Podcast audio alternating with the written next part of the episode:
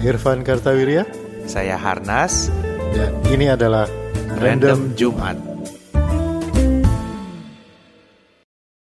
Halo, Halo. selamat hari Jumat. Selamat Nah, selamat akhir minggu buat teman-teman yang shiftnya Senin sampai Jumat. Kalau yang satu minggu kerja ya wayang Ya, nawe. Wayang. Ketemu lagi bareng saya Harnas Saya Irfan Kartawirya. Dalam acara Random Jumat. Ya. Jadi ini bukan podcast ini acara. Iya. pemirsa, kalau acara kan pemirsa. Nah, kita kita belum punya sebut panggilan untuk pendengar atau penggemar Random Jumat. Kita pastikan saja pemirsa. Iya, kita sebut pemirsa.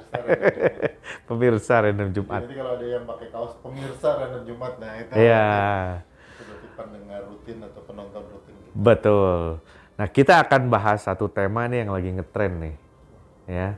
Namanya eh, Oppenheimer. Ya, kan kita katanya podcast science Oh, iya, berbahasa manusia. Sampai lupa Begitu ada, makanya teman-teman saya nggak pakai topi, saya lagi pesen dari Tokopedia. Topinya Oppenheimer.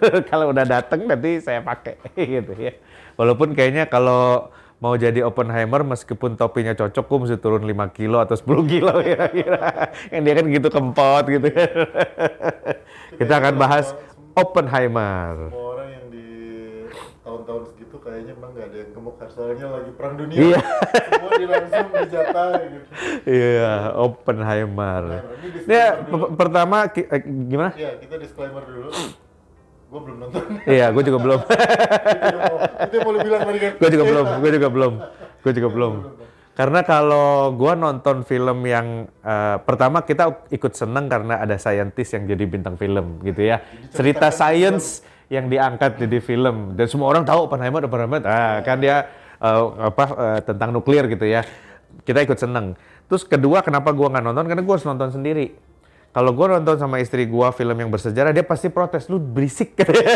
tunggu, tunggu, itu kan bukan, nggak mungkin itu. Harusnya kan ini, ini, ini gitu. Kenapa Albert Einstein nanyanya belakangan bukan di depan gitu. Padahal kan teorinya, nggak berisik lu kalau nonton, lu nonton sendiri aja katanya. Makanya belum sempet karena. Makanya belum nonton, nih ya. Kayaknya harus cari waktu nonton sendiri. Kalau gue belum nonton karena emang belum sempet aja.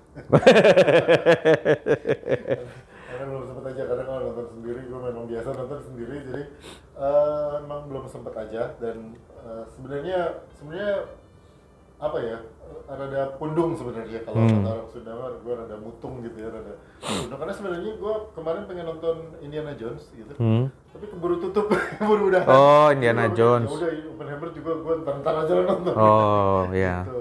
Kenapa? Karena eh, ini adalah Indiana Jones lu harus nonton, Van. Harus. Kenapa? Sebab Harrison Ford-nya udah tua. gue mau nonton dua film yang eh, tadinya gue mau nonton itu ya berturut begitu dia selesai turun terus gue nonton begitu Oppenheimer muncul gue nonton. Karena itu menceritakan bukan kalau lu sudut pandangnya tadi ada saintis yang diceritakan di sebuah di sebuah film bagus. Kalau gue melihatnya Indiana Jones dan Oppenheimer itu dua-duanya adalah dosen Oh iya ya.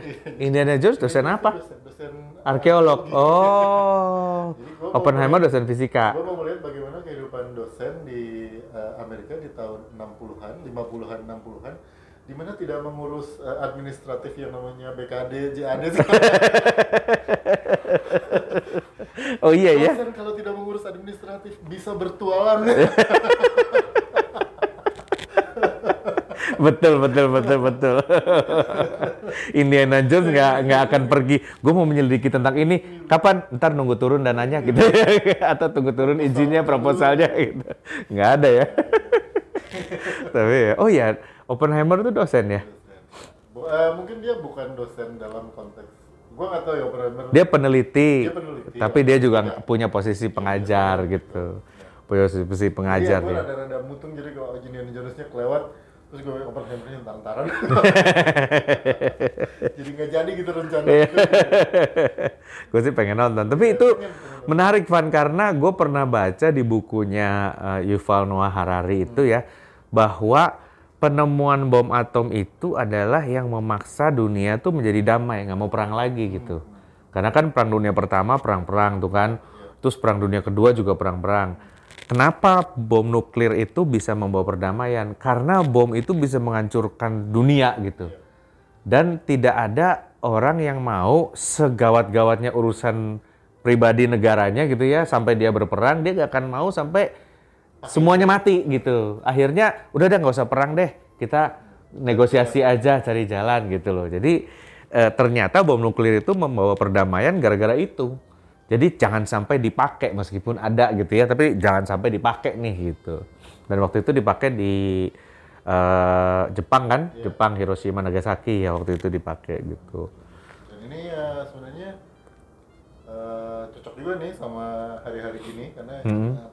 pas ini tayang kan menjelang 17 Agustus. Oh iya. yeah. Oppenheimer kan berkarya bes karya karya besarnya dia kan adalah mengendalikan ledakan uh, nuklir secara ledakan nuklir secara terkendali gitu ya membuat ledakan nuklir secara terkendali sehingga bisa dikemas menjadi sebuah bom yang kemudian hmm. memakan banyak sekali korban di Hiroshima dan Nagasaki tapi pada akhirnya itu juga memicu Indonesia merdeka gitu. betul jadi cocok nih kalau kita ngobrolnya di hari-hari di hari bulan Agustus gitu ya makanya mungkin launchingnya Oppenheimer dekat-dekat Agustus ya dan itu pun gitu ada yang orang yang bertanya gitu ya uh, kenapa sih Jepang harus dibom misalnya gitu. Yeah. Posisinya kan udah kalah sebenarnya. Yeah. Jadi bisa aja nggak usah dibom. Tapi itu pertama dari pihak Amerika udah kehabisan dana juga dan dia tahu bahwa orang-orang uh, Jepang ini kan di, dia kan udah sibuk di Jerman nih. Hmm. Ya, orang Jepang ini kan harus dia lawan lagi satu persatu rumah ke rumah. Udah deh, bom gitu.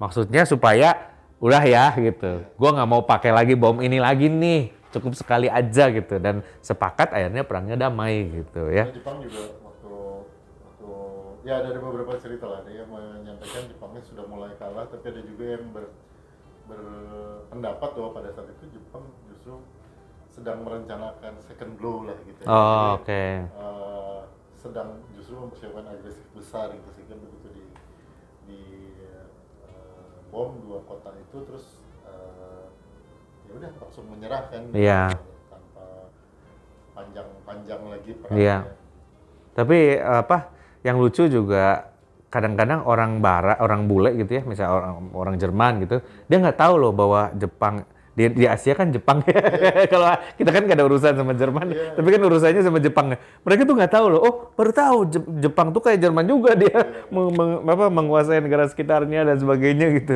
Oh iya ya baru tahu dia gitu. Yeah, karena itu perang dunia kedua itu bisa dibilang uh, terdiri dari beberapa front ya. Jadi bukan bukan kayak main catur gitu. Ini lawan ini dah gitu ya. Perang dunia kedua tuh seperti main halma gitu.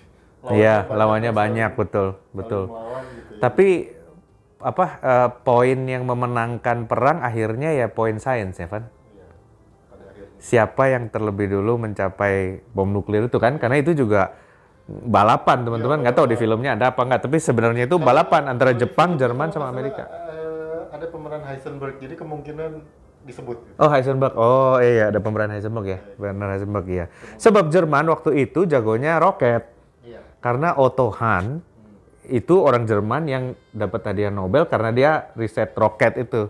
Jadi paling jagonya, makanya roketnya dia jago-jago kan. Tapi kan untuk maju ke nuklir itu bidang yang beda lagi tuh, gitu ahlinya terus terang orang Jerman juga tapi pada kabur. Karena dari dari ras sebelah gitu ya. Aduh liur. Tapi gue tuh termasuk apa salah satu fans perang dunia kedua Van. Kalau menurut gue gue banyak baca buku tentang perang dunia kedua gitu. Karena menurut gue perang itu meskipun udah lama ya tahun 1945 kan uh, masih berpengaruh terhadap tata tata dunia sekarang gitu. Iya.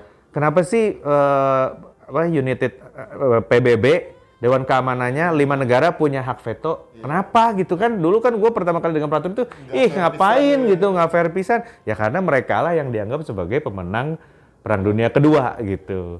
Terus udah gitu banyaklah pokoknya yang mereka lakukan. Jepang sampai sekarang nggak punya tentara, Jerman juga nggak punya nggak nggak ada kan. Jadi uh, apa namanya masih berpengaruh sampai sekarang menurut gue mah bahkan Indonesia merdeka Indonesia merdeka betul itu juga kan datangnya dari situ gitu ya dan kita kalau kita pergi gitu ke, ke membandingkan antara Indonesia Indonesia itu memang merdeka sendiri Beda dengan negara-negara, ada negara-negara yang merdekanya dikasih gitu ya. Beda itu sistemnya, kita juga merasa gitu, eh kok beda ya gitu. Kalau Indonesia memang merdekanya merdeka sendiri gitu. Terus udah gitu uh, banyaklah yang masih berpengaruh sampai hari ini gitu ya. Uh, Rusia Ukraina Ukraina juga dari situ kan. Uh, salah satunya adalah Rusia itu sesudah semua perang dunia kedua selesai, sebetulnya Rusia juga ikut perang. Yeah ya kan? Uh, datang dari timur Jerman. Dan sebetulnya dia harusnya dijadikan salah satu pemenang perang dunia kedua juga. Tapi sesudah perang dunia kedua itu ada satu konvensi di Amerika yang menentukan standar ekonomi dunia standar emas terus Marshall Plan bahwa uh, Marshall Plan itu kan bahwa negara-negara yang kalah perang itu disupport secara ekonomi supaya bisa maju supaya nggak ada perang lagi Rusia nggak diajak nggak tahu gimana jadi sejak itu dia dalam tanda kutip pundung tadi sampai sekarang gitu ya. Mungkin karena waktu itu Amerika ngelihat dia komunis gitu ya. Terus ah gue nggak mau ajak dia. Ah padahal dia sama-sama loh. Dan sampai hari ini orang Rusia berpikir kenapa gue nggak bisa masuk Uni Eropa misalnya gitu. Ya ya karena dia nggak diundang per meeting pertamanya dia nggak diundang gitu. Gitu. Jadi masih sangat berpengaruh gitu. Termasuk terhadap kemerdekaan Indonesia gitu ya. Ya Indonesia merdeka kan uh, yang lo bilang tadi kan sendiri gitu ya. Mm -hmm. Merdeka sendiri itu maksudnya ya kita mendeklarasikan sendiri terus orang-orang mengakui gitu ya. Mm -hmm. akhirnya kemarin kan ada berita uh, Belanda akhirnya mengakui Indonesia yeah. 17 Agustus. Betul. 45. Karena sebelumnya kan uh, baru diakui pertama kali diakui Indonesia merdeka itu kan di Perjanjian Linggarjati tahun mm -hmm. Jadi tapi itu pun merdekanya hanya Jawa Madura. Jadi hanya Jawa Madura saja yang dianggap terus itu pun perjanjiannya dilanggar jadi mereka hmm. jadi mengakui gitu ya. baru nanti tahun 49 gitu. heran padahal kalau dia kan kedutaannya di Kuningan ya dia harusnya lihat tiap 17 Agustus sepi ya. Kok masih nggak mau ngakuin? Gue bingung. kan dia lihat sepi. Orang-orang pada main perlombaan gitu kan. Dari kedutaan dia kan kelihatan sebenarnya. Akhirnya dia mengakui ke beberapa minggu yang lalu kan ada bulan lalu ada, ada berita ya dia uh, perdana menterinya mengakui bahwa Indonesia mereka 17 tapi habis itu perdana menterinya dipecat kalau nggak salah. Oh enggak enggak enggak lanjut. Ya, lanjut ya. Lanjut lanjut. gitu. Dipecatnya bukan gara-gara itu. Habis itu Tapi kalau nggak salah Mark Rutte itu perdana menteri Belanda itu keturunan Indonesia tuh. Uh, Dia ada ada keturunannya Indonesianya gitu, nah, ada darahnya. Mereka sendiri itu uh, tidak lepas juga dari konstelasi akhir perang dunia kedua. Gitu. Mm -hmm. Karena awal, apa salah satunya kan pergerakan pergerakan pergerakan negara-negara Asia dan Afrika yeah. yang uh, nasionalismenya tumbuh terus merdeka di sana merdeka merdeka merdeka karena negara-negara besar yang menguasai mereka negaranya kecil sebenarnya yeah. negara kecil negaranya yeah. negara-negara yang menguasai mereka itu terus uh, disibukkan oleh perang dunia dan kemudian selesai perangnya sehingga pasti kan fokusnya ke internalnya ke, yeah. ke membangun kembali negaranya nah koloni-koloni itu jadi punya kesempatan untuk memperjuangkan nasibnya sendiri yeah. Indonesia ini mendeklarasi merdeka kan makanya kan di proklamasi itu dengan ini kami menyatakan yeah. kemerdekaan Indonesia jadi kita yang declare sendiri gitu betul bukan menerima kemerdekaan yeah. Indonesia betul gitu. betul betul nah, itu uh, ujungnya tetap dari dari akhir perang dunia kedua kalau perang dunia keduanya tidak meletus misalnya uh, atau mungkin yang yang yang lebih sederhana ada beberapa skenario misalnya kalau Jepang tidak turun artinya Indonesia uh, Hindia Belanda lah begitu ya tidak di dari agresi oleh Jepang gitu. Uh, zaman sebelum Jepang datang itu di Indonesia disebutnya zaman normal. Jadi hmm. hidup tuh normal sekali gitu. Menurut orang-orang tua dulu hidup zaman sebelum zaman Jepang itu normal banget hidupnya. Ya orang Belanda jadi pemimpin tapi kita kerja bisa ekonomi jalan. Hmm, makan cukup gitu ya. Cukup, maju bagus gitu. Yeah. jalan Braga mulus gitu yeah. ya. Nah itu zaman normal ya mungkin karena zamannya normal orang Indonesia mah santai kan gitu mereka kan nggak usah gini aja iya. jadi ya dengan dengan perubahan dunia itu makanya kita akhirnya mempertebal bahwa gerakan nasionalis Asia Afrika termasuk di Indonesia udah kita merdeka jadi negara sendiri gitu. yeah, yang iya. lepas yeah. dari koloni kolonisasi gitu jadi bukan kita bukan koloni bukan persemakmuran bukan apa apa yeah. kita mah kita aja gitu. Iya yeah, betul betul betul betul jadi dari akhir akhir perang dunia kedua itu sebenarnya konstelasi politik dunianya kita nggak bisa lepas dari itu Iya. kita nggak bisa cuma ngelihat tuh Indonesia berjuang pakai bambu runcing sendiri Mm-mm. hebat bisa ber- nggak karena kondisi dunianya mendukung juga Iya, kondisi dunia mendukung. Kalau nggak salah negara pertama yang mengakui Indonesia merdeka itu Australia. Iya. Kalau nggak salah tuh Australia. Eh, Jadi artinya kadang-kadang kita suka lupa teman-teman yang dulu mengakui kemerdekaan pertama kali siapa gitu ya. Tetangga-tetangga dekat, ya, atau Mesir, Mesir, India, ya. gitu. Mesir, India, Australia itu salah satu negara pertama lah gitu ya.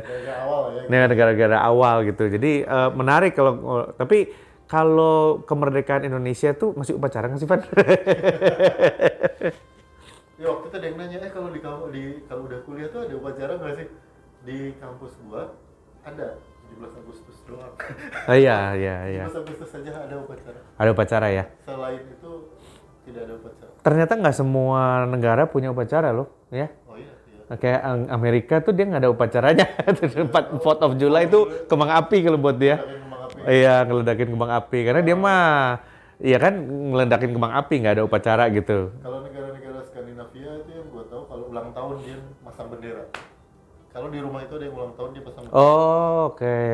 kalau di kita mah kan eh pasang bendera itu 17 Agustus gitu. Iya. ada atau tidak ada yang ulang tahun di rumah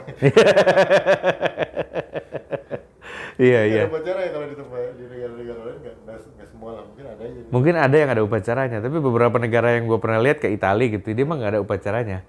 Jadi ya kemerdekaan ya National Day aja, libur gitu. National Day karena dia tidak ada Yang ada orang peringatan kemerdekaan dari Italia.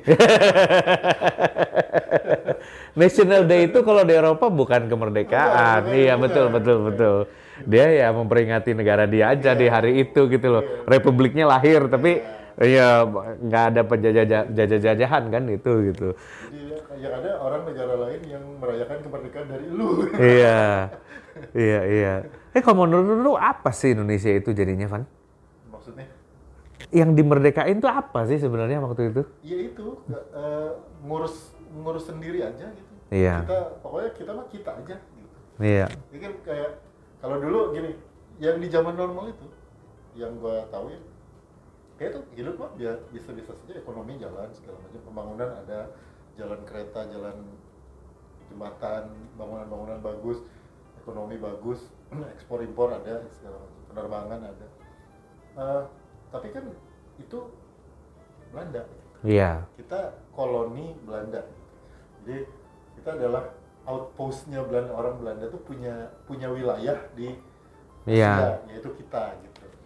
Nah, dia kan pemimpin tertingginya tetap di kerajaan Belanda. Iya. Terus Kantor-kantor bisa jadi bosnya orang Belanda, Iya. bawah-bawahnya orang Indonesia. Iya. Nah dengan dengan kemerdekaan ini ya kita bebas aja. Pokoknya Mm-mm. Ya kita mah kita aja gitu. Kita yang ngurus sendiri, kita yang nentuin sendiri, nggak ada hubungannya sama negara lain sebagai bawahan gitu. Iya. Sebenarnya sih kalau gue lihat poin poin politisnya ya atau poin poin historisnya sih kayak gitu. Dan akibatnya kan ya kita kayak sederhana kayak misalnya kalau kita bilang tentang uh, sistem pendidikan, gitu, karena gue di pendidikan. Sistem pendidikan Indonesia ini uh, mengikuti siapa? Eh nggak ngikutin siapa-siapa, kita, Iya. kita aja bikin sendiri.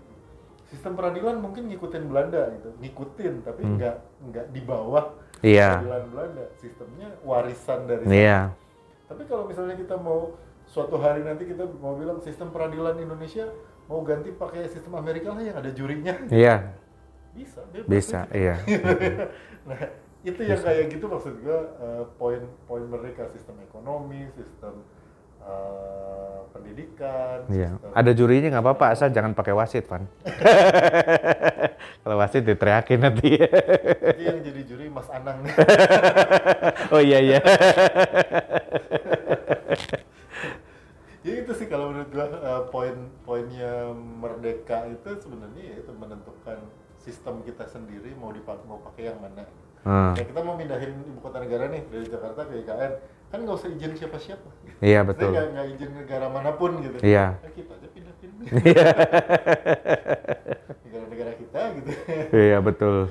Karena kalau lu masih di bawah kerajaan Belanda kan itu mau mindahin eh, ibu kota dari Batavia ke Bandung misalnya, ya kan keputusan harus dari sana. Betul betul.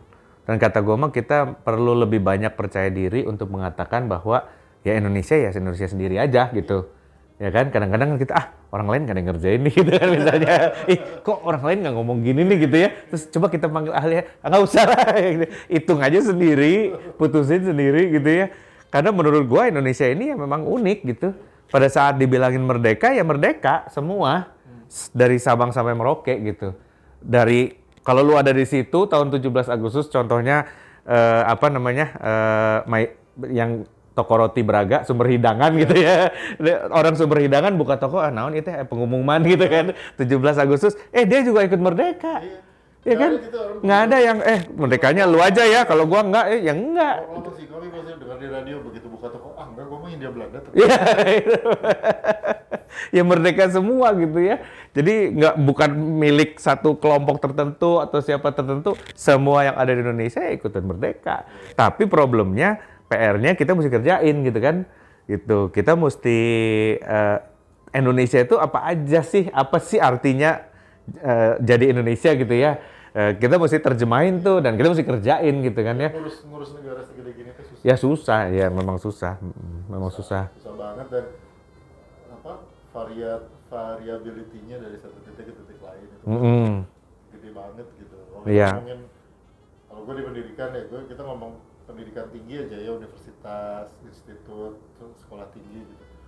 Gak usah se Indonesia. Se gue kan di Banten nih, se Banten aja. Kita ngomong kualitas kualitas pendidikan di kotanya gitu kayak di Tangerang, Tangerang Selatan dengan Pandeglang, dengan Anyer, dengan Rangkas misalnya dan seterusnya gede banget beda. Ya itu aja jauh banget ya. banget gitu. Itu bukan memer- bukan meratakan sih, Iya. tapi menyeimbangkan. Menyeimbangkan Semua betul. harus maju dengan potensinya masing-masing. Gitu. Iya betul betul. Yang nggak boleh kan, eh, oh yang maju mah Tangsel aja lah. gitu. Iya. Kalau orang Rangkas mau sekolahnya bagus, sana aja ke Tangsel. Iya. Di Rangkas harus ada. Eh, Iya gitu. di Rangkas ada ada betul betul. Kalau, kalau gue terusin nih gue jadi ini nih bupati. Bupati Pandeglang enggak Ini kita rekaman habis makan kok jadi ngajar gini.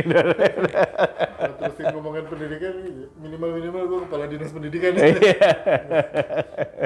nah tapi ya itu kesempatan untuk ya bukan cuma pendidikan lah ya ekonomi segala macam eh, infrastruktur punya kesempatan untuk maju sesuai potensinya. Maju sesuai potensinya betul. Punya kesempatan untuk maju sesuai potensinya ya.